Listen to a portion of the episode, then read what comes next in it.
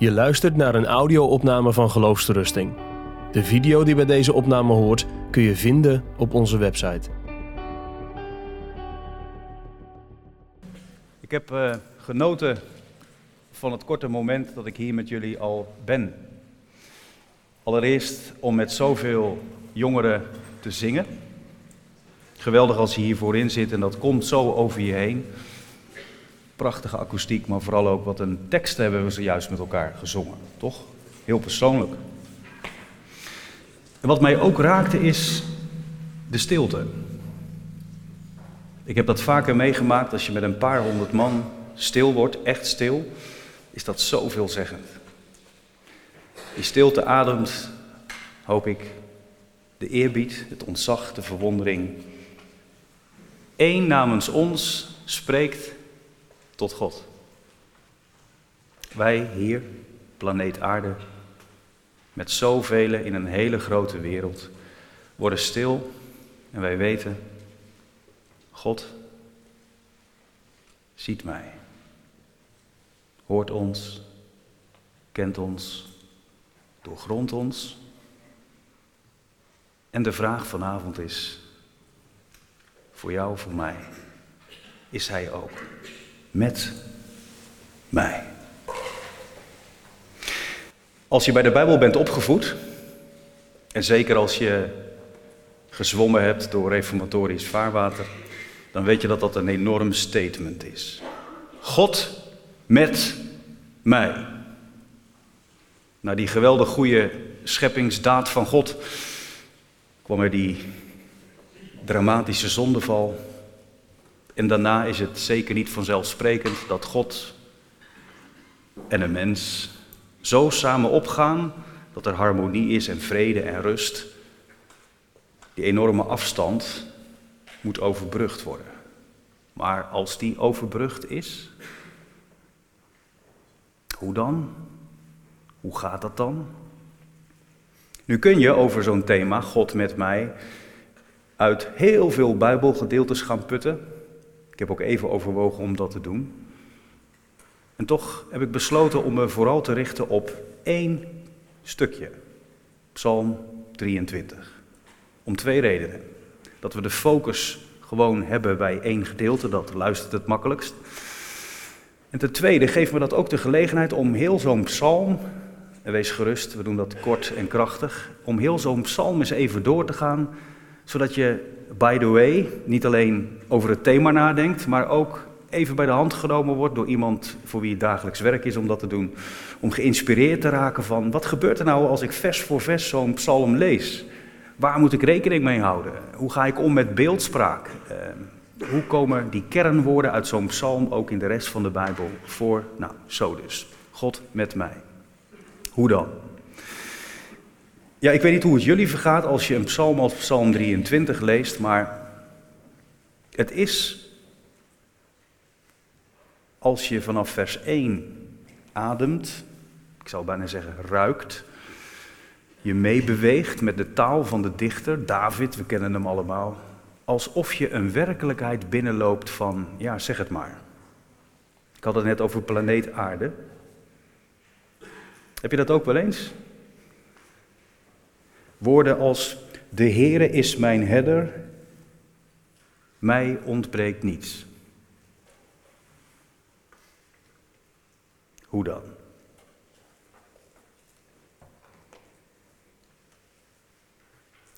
Mij ontbreekt niets. Uh, houdt niet op, hè? David zegt: Die goede herder, die doet mij neerliggen in grazige weiden, fris, groen, voedzaam gras. Niet verschoten, niet vergeeld, geen onkruid, geen doornen, geen distels. Wat voor werkelijkheid wordt hier beschreven? Is er. Nee. Er is niet meer dan dat. Nou ja, niets negatiefs. Het gaat maar door. Het blijft positief. David zegt: Hij leidt mij, God, mijn Heere, mijn herder, leidt mij zachtjes aan stille wateren. Ik dacht even, Stel dat iemand nou een paar hoofdlijnen heeft meegekregen van de Bijbel en weet van een goed begin en een, een dieptepunt in de zondeval en daarna het leven. Dat iemand heeft gedacht, oh natuurlijk, dit is een psalm van Adam. Van voor de zondeval. Waar stilstaand water ook niet bedreigend was. Want welke herder gaat nu naar stilstand water? Dan moet je wegblijven met de kudde. Je moet stromend water hebben. Je moet levend water hebben, bruisend water. Zoals wij hier bij een dooie poel staan, weten we, daar moet je vanaf blijven. Maar David zegt, stille wateren zijn geen bedreiging. Daar word ik door verkwikt. Mijn ziel. En dat woordje ziel in de Hebreeuwse taal is zoveel omvattend, dat raakt je hele persoonlijkheid. Wie je bent, wat je denkt, wat je voelt. Er zijn zelfs je zintuigen bij betrokken. Kortom, dat ben jij. Met alle ins en outs. En David zegt: God is met mij. En een van de belangrijke dingen die hij met mij doet, is mij helemaal verkwikken. Ik adem van hem op. Het leven met God is één grote opluchting voor mij.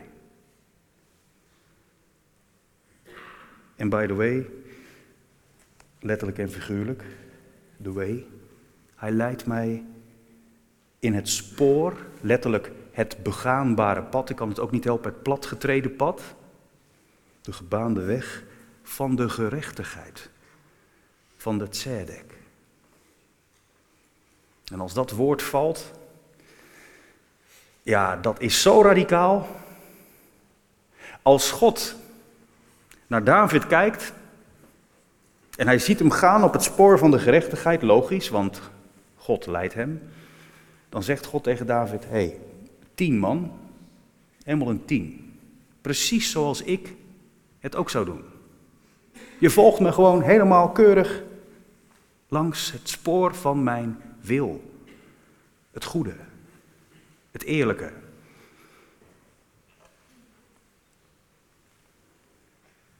Ben je hopelijk niet vergeten wat ik net vroeg? Heb jij dat ook wel eens? Dat je denkt, mooi. Maar is het niet te mooi?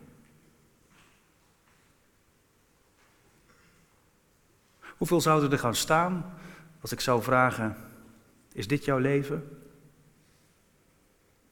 Nee, ik vraag niet, is dit jouw leven soms? Mag het ook wel eens zo zijn? zegt David ook niet, hè? De Heer mag wel eens mijn herder komen te wezen. Nee. Hij zegt ook niet, zo nu en dan, uurtjes van korte duurtjes, zijn er van die momentjes, dan mag ik er ook wel eens iets van zien dat de Heer zegt, een tien? Radicale, hè? Is dat niet een beetje te? Hoor je jezelf soms ook wel eens zingen? Misschien vanavond wel. Ik hoor me soms wel eens voorlezen of bidden, voorbidden aan tafel met die jongens van me. En die twee meiden, één groot en één klein aan tafel, die mij helemaal kennen. Als ik ook mijn dag soms niet heb. Of als het voor mij soms donker en duister is. En je toch maar weer aan de slag moet om te vertellen dat God een licht is. Het leven van het geloof is soms zo ingewikkeld dat je ja, of maar om het hardst gaat zingen en het probeert weg te zingen, of ergens diep in je zit die verwarring. Bestaan er dan toch twee soorten mensen? Van die tobbende christenen en van die gelovigen als David. Nou, ik stop met het ongenuanceerde in mijn betoog, bewust om je een beetje op scherp te zetten. Want uh, allereerst is dit een zaak van geloof. Hè? En wat is geloof? Dat je het altijd ziet, dat je het altijd voelt, dat het altijd perfect is, volgens jouw kader? Nee. vind ik zo mooi. God met mij. Hoe dan? We zijn inmiddels uh, aan het einde van vers 3, hè? Omwille van zijn naam. David gelooft dat de Heer zijn herder is, dat God hem aan stille wateren leidt en dat hij dat zachtjes doet. dat zijn ziel verkwikt wordt, dat hij in grazige weiden wordt geleid en dat de Heere als herder hem in het spoor van het goede van hem, van God, leidt, dat doet hij omwille van zijn naam.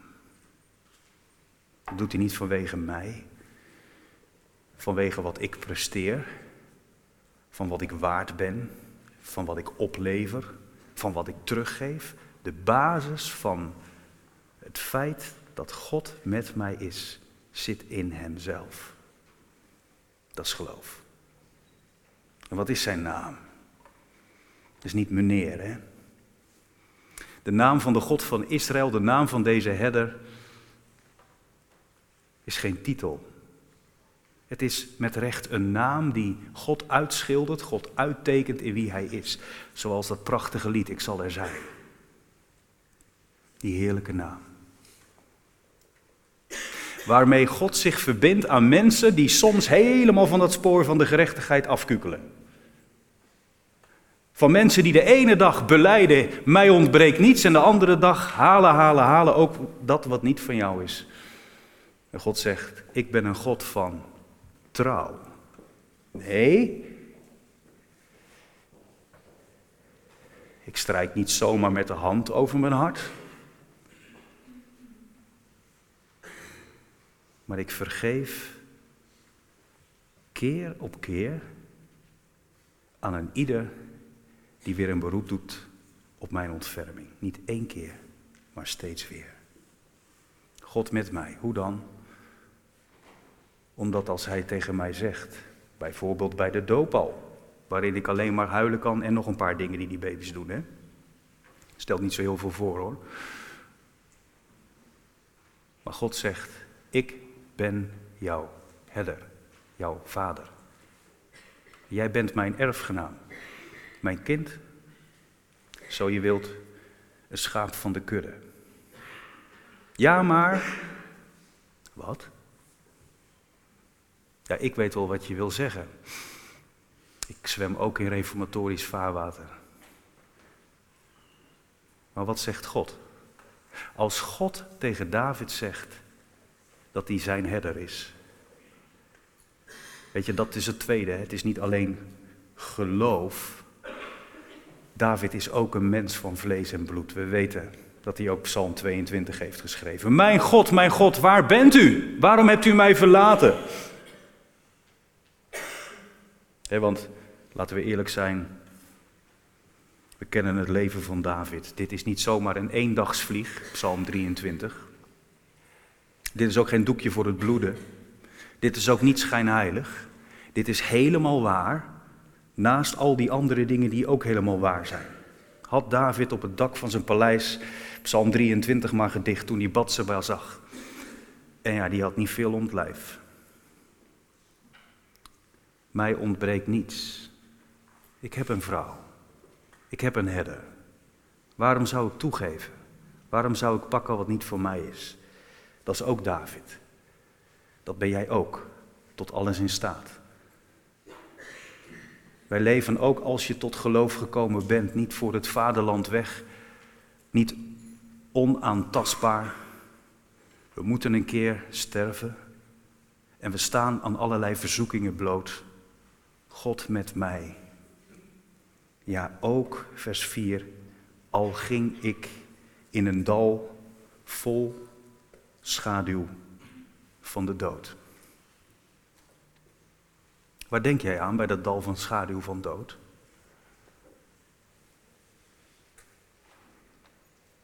Vergis ik me als ik zeg dat er echt verschillende zullen zijn die vooral bij deze psalm denken aan het moment dat je laatste adem verdwijnt?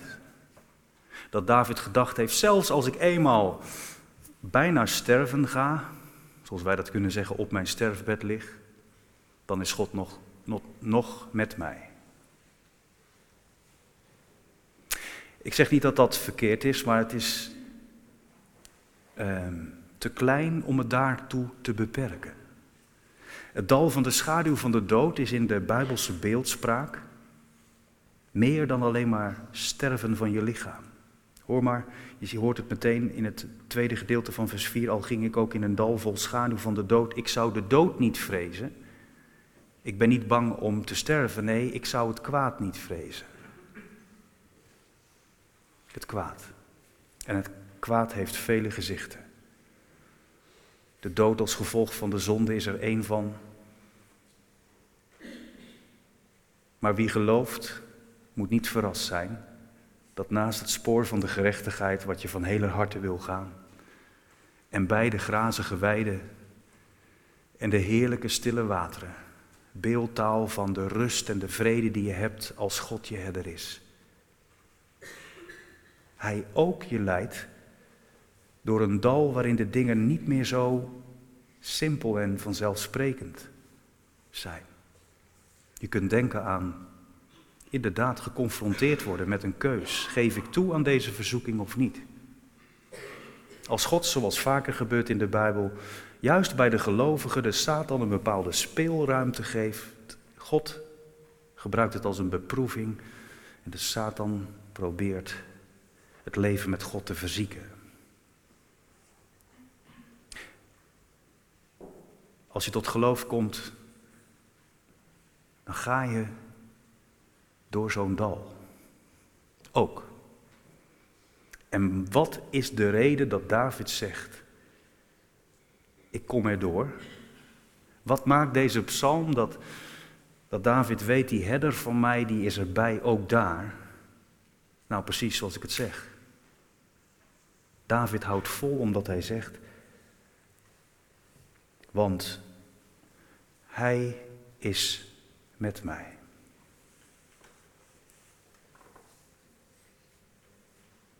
Nou zeg ik het bewust niet zoals het er staat. Ik zeg het zoals je verwachten zou dat het er staat. Het is even een klein detail bij het Bijbellezen, maar ik vond het zo mooi. In de versen 1 tot en met 3 zegt David, als je het hebt over de herder, wil je weten wie hij is? Hij doet dit, hij doet dat, hij doet zus, hij doet zo. Hij doet dat voor mij. Maar als die ingewikkelde periodes in zijn leven te sprake komen, waarin die verzocht wordt, waarin het allemaal minder makkelijk lijkt te gaan dan die had gehoopt, dan zegt hij niet, hij is met mij, maar dan gaat de blik omhoog en dan spreekt hij tot God. U bent met mij. Dat zijn de mooiste momenten. Jazeker. Heerlijk om met elkaar Gods lof te zingen. Geweldig om met zoveel stil te zijn, zoals ik begon. Maar het zijn niet alleen de hoogtepunten in je leven die ervoor zorgen dat je God zo dichtbij ervaart. Het zijn zeker ook de dieptepunten, waarin niets van jou overblijft, maar alleen God, die ervoor zorgen dat je steeds meer van Hem leert kennen en Hem juist daar het meest nabij ervaart. Ik heb dat zo vaak gezien bij een huwelijkscrisis. Als mensen ongelooflijk hard van een troon vielen. Mensen waar je tegenop keek en ineens leek er zo waar bijna niets meer over te zijn van dat prachtige wat er was. En God zich bekend maakte. Mensen die aan een graf hebben gestaan. Mensen die hebben te dealen met een ziekte. Of zoals Paulus zegt, met een doorn in het vlees. Die ervoor zorg draagt dat je net niet dat kunt doen wat je zo graag voor God zou doen. En je denkt, hoe moet dit? Was u nou maar meer met mij? En dat, dat God zegt, joh, ik ben juist zo heel dichtbij met mijn kracht in jouw zwakheid. Hoe dan? Nou, het is duidelijk, het ligt voor de hand dat David op het spoor van de gerechtigheid van de herder twee attributen noemt van de herder. Uw stok en uw staf, die vertroosten mij. Zoals een herder een stok, een knots, een knuppel gebruikte om de wilde dieren op de vlucht te jagen. om tussen het schaap en het wilde dier te gaan staan, om het gevaar van buiten te bezweren. Zo gebruikt God een attribuut. Ik heb het er zo nog wel even over wat het dan zou kunnen zijn. Een middel, een instrument om ervoor te zorgen dat je veilig bent. De stok, de knots, de knuppel is het instrument dat gebruikt wordt om het gevaar van buiten te bezweren. De staf, een lange, smalle stok, vaak met een lusvormig einde, werd gebruikt door de herder om een schaap dat weg wilde lopen, even bij de hals te pakken en terug te trekken. Of als er zo één was in het schemer van de nacht, die dacht: ik ga mijn eigen spoortje even, ik maak even een omweg. Dan zorgde die herder in het donker met het tikken op de grond van die lange staf dat het schaap wel wist waar de herder was gebleven. En aan het einde van de dag werd er met die staf geteld. 84, 87, 93, 98, 99. 99. Stel je voor dat er één zou missen. De staf als een instrument om er vooral voor te zorgen dat dat karakter van het schaap er niet voor zorgen dat het verloren raakte. Het gevaar van binnen. Waar moeten we aan denken vandaag? Jij bent geen schaap, maar God is wel een herder. Wat is het beeld? Bij deze psalm kom je heel veel verschillende uitleggingen tegen, bij alle beelden die gebruikt worden, maar hier is bijna iedere verklaarder het er wel over eens. De staf en de stok van God zijn jouw Bijbel. En dat klinkt misschien bijna banaal, een gigantische open deur. Ik dacht ook even, ja, hoe ga ik dat boeiend brengen? Heb je dat al niet zo vaak gehoord? Wil je weten hoe God voor je zorgt? Ken dan je Bijbel. Houd hem dicht bij je. Zorg dat je hem niet alleen deels uit je hoofd kent, op zo'n manier dat je weet als je door het dal gaat, je niet moet gaan zitten bladeren van uh, wat kan ik hier gebruiken, maar dat er dingen in je hart zitten, in je hoofd. Maar mits dat ik dit zeg, doe ik geen recht aan dat heerlijke, eenvoudige getuigenis van God zelf. Waarom zou ik meer willen dan dat? Waarom ben ik heel vaak op zoek naar iets bijzonders, een visioen? Iets wat me helemaal door mijn hart en mijn ziel tintelt. Hè? Een gevoel, een ervaring. Mooi, allemaal bijvangst, plusjes. God is echt wel zo goed dat hij dat zo nu en dan geeft. Maar het mooiste is dat ik een schat heb van Hem, een gids, die mij helpt om te ontdekken hoe Hij ervoor zorgt dat ik weet dat Hij bij mij is. Ik hoor het vaak mensen zeggen, apart hè, die dagtekst die dan toevallig net voorbij kwam toen ik mijn, uh, mijn scherm van de vergrendeling afhaalde. Je gelooft het bijna niet hè. Het is net, net nu ik het nodig heb, lees ik dit. En soms al drie keer in de week dat die tekst terugkomt. En dan kijken we elkaar aan en zeggen ze, eigenlijk bijzonder. Het is eigenlijk heel bijzonder dat wij zo reageren, omdat het wel Gods gewone weg is, toch? Daarom wil ik je van harte aanraden in het leven met God. Blijf niet te veel rusten op bepaalde bijzondere dingen die je misschien ook hebt meegemaakt. Verwacht het niet van die hele aparte momenten waar je dan weer eventjes op kunt teren.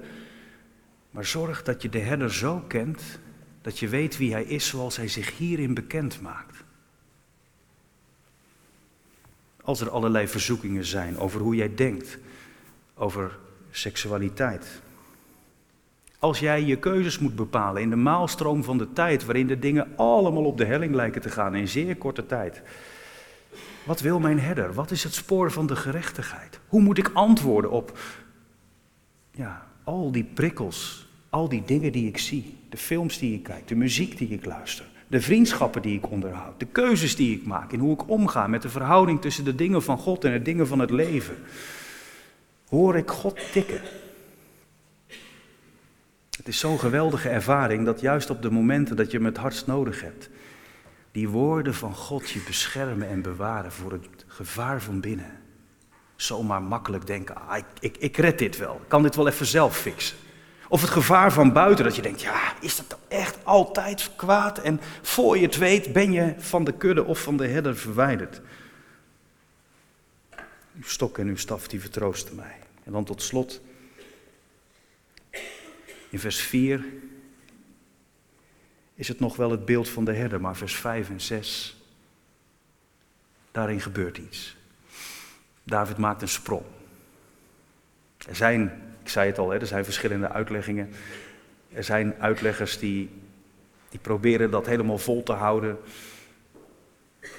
Door te zeggen, nou, die tafel, dat heeft ook nog iets met de schapen te maken. En ja, die beker ook. En, maar ik denk dat we maar gewoon nuchter moeten concluderen dat David zonder enige aankondiging van het ene bekende beeld in het Oude Oosten naar het andere overspringt. Namelijk vanaf vers 5 en 6 gaat het niet meer over een gast, over een herder. Ik had bijna het antwoord al gegeven, maar over een gastheer. En ik heb daar, toen ik over deze psalm nadacht, best wel even bij stilgestaan. Ik dacht van, zet ik hier vanavond de knip? Want ja, wat moet ik daar nou over zeggen? Een gastheer, dat is een veel minder aansprekend beeld als een herder. God met mij. Nou, kom aan tafel. Het is wel gezellig. Maar is het veilig? Ja, precies. Als dat woord valt, veilig, dan moet je weten dat deze psalm helemaal het oude oosten ademt. Ik heb dat nooit geweten en ik zal me proberen te beperken, maar wel de kern ervan door te geven. Iemand die optrad als gastheer, iemand die de deur opendeed als iemand aanklopte in de nacht of vlak voor het invallen van de nacht en asiel aanvroeg of onderdak, die kreeg meteen een tafel aangeboden waaraan hij kon meeeten en vlak daarna een bed. En dat was niet zomaar gastvrijheid alleen, dat kom je vandaag de dag ook in de Oosterse landen echt wel tegen. Maar het was ook gastveiligheid. Ik heb dat nooit geweten, maar dat is zo extreem in de tijd van de Bijbel. Dat als iemand bij jou aanklopte en jij deed de poort of de deur open en je zei kom binnen en je bood hem een maaltijd aan, dat vanaf het moment dat hij bij jou aan tafel is gegaan en het moment dat hij bij jou op het erf is, jij garant staat voor zijn veiligheid. Sterker nog, je behandelde de gast als een van jouw gezin, als een van jouw familie, van de clan. En koste wat het kost, als het moest, zou je met je leven garant staan voor zijn veiligheid. Toen ik dat las, dacht ik, nou mooi, nooit geweten. Maar is dat niet een beetje te? En toen bracht iemand mij op het spoor van Genesis 19. Genesis 19 gaat over Lot. Lot die op een dag twee mannen aan de poort heeft staan. Wij weten als lezer dat dat twee engelen zijn die gaan op zoek en op bezoek om orde op zaken te stellen, om te kijken of het onrecht wat er allemaal in Sodom en Gomorra plaatsvindt inderdaad klopt. Maar Lot ziet twee mannen. Het is heel opvallend als je Genesis 19 leest, dat Job, Lot de deur open doet en meteen begint aan te dringen, blijf de nacht toch over. En als ze dan schoorvoetend toestemmen, dan gaat hij meteen aan het bakken en dan gaat hij meteen een maaltijd aanrichten. Komt er een tafel te staan en ze zitten goed en wel aan tafel, veilig en wel. En dan wordt er op de deur gebonst, geramd. En dan staan daar de mannen van Sodom en die willen ze bekennen.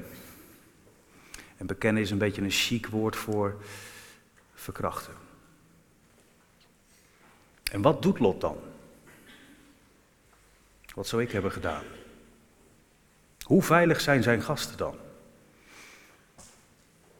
Het is heel treffend dat je dan leest dat Lot naar de deur loopt, met die mannen begint te praten, te communiceren en terwijl hij dat doet, meteen de deur achter zich dicht heeft. Dus er zit tussen zijn gasten die hij ehm, onthaald heeft een deur en hij zelf staat ertussen. En dan zegt hij, doe die mannen toch geen kwaad. Nou, tot zover, mooi, sprekend voorbeeld van zover kon dat dus gaan. Maar dan komt dat voor mij onbegrijpelijke uit de mond van Lot, dat hij zegt, die mannen moeten jullie afblijven, dat kan ik niet maken, ik heb nog wel dochters. Hoe dat? Lot, je gaat toch niet beweren dat je dat je je eigen kind naar buiten stuurt? Naar mensen die eigenlijk met hem willen afrekenen. Ten koste van twee mannen die je nog maar een halve dag kent.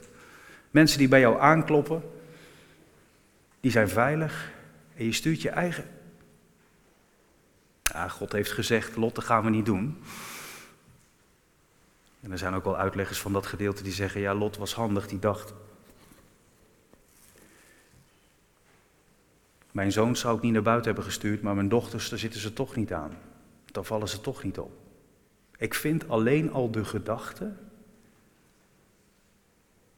dat in die cultuur iemand denkt van, ik stuur dan nog eerder een kind naar buiten, met alle risico's van dien, dan degene die bij mij binnen zit, vind ik een hele moeilijke.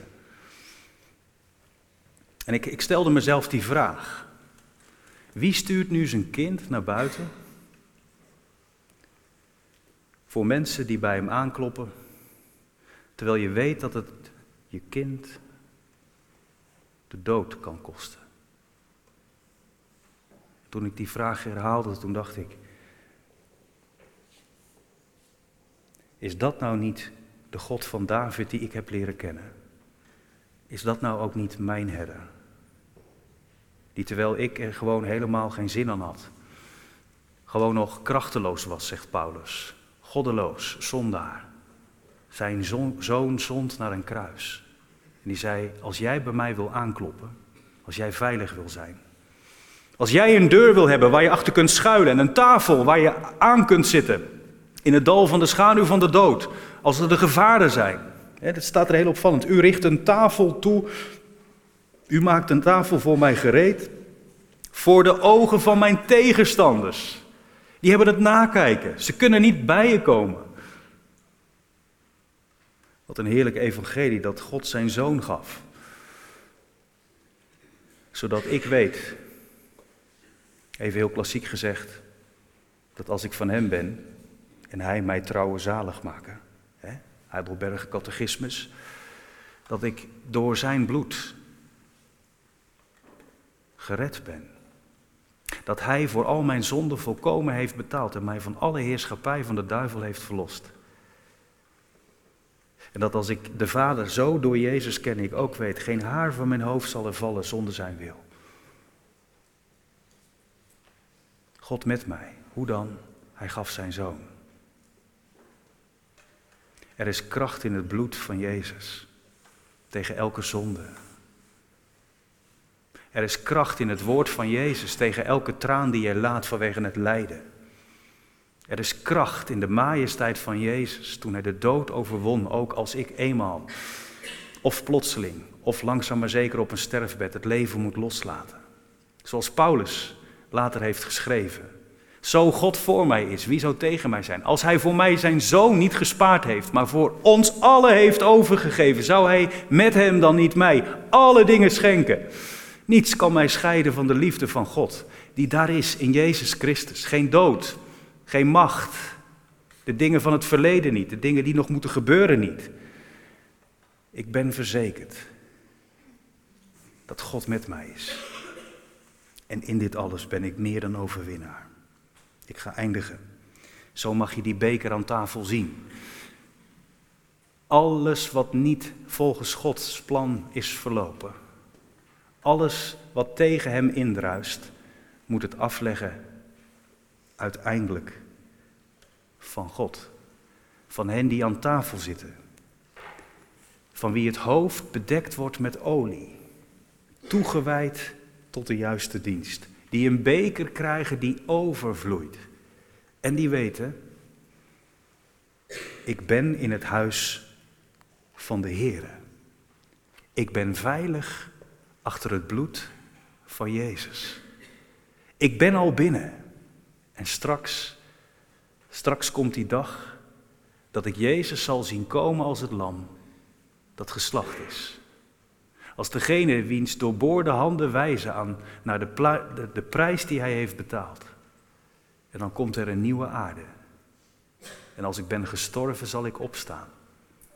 Zoals Johannes dat heeft gezegd. En ik lees dat tot slot voor uit Openbaring 21. Johannes die verder keek dan David. Johannes die Jezus nog had gekend. Johannes die Jezus heeft horen zeggen: Ik ben de opstanding en het leven. Ik zal in het huis van de Here blijven. Je mag ook vertalen, ik ga er weer naar terug. Er komt een moment dat God alle dingen nieuw maakt. En in Openbaring 21 lees ik die heerlijke woorden. Dat Hij schrijft. Ik maak alle dingen nieuw. En wat gebeurt er op die dag? Je houdt het niet voor mogelijk. Er was een zuivere rivier, vol water van leven. En er was een straat in de stad, vol van gouden stenen. En er was geen vervloeking meer. Er was niemand meer tegen mij.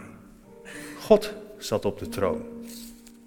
Wat een troost als ik hoor dat er een nieuwe hemel en een nieuwe aarde komt. Omdat al het vorige voorbij is gegaan. En Johannes zegt, ik hoorde een grote stem uit de hemel. De tabernakel van God is weer bij de mensen. En hij zal bij de mensen wonen. En zij zullen zijn volk zijn. En God zelf zal bij hen zijn. God met ons. Hoe dan? Onbegrijpelijk. Nooit meer angst. Nooit meer zonde. God zal alle tranen van de ogen afwissen. En de dood zal niet meer zijn. Nog rouw, nog gekrijt, nog moeite. Al het eerste is voorbij gegaan. Hoe dan? Straks komt het lam. Ben je er klaar voor? Als je dat nu weet, waar je ook doorheen gaat, dan gaat het de goede kant op.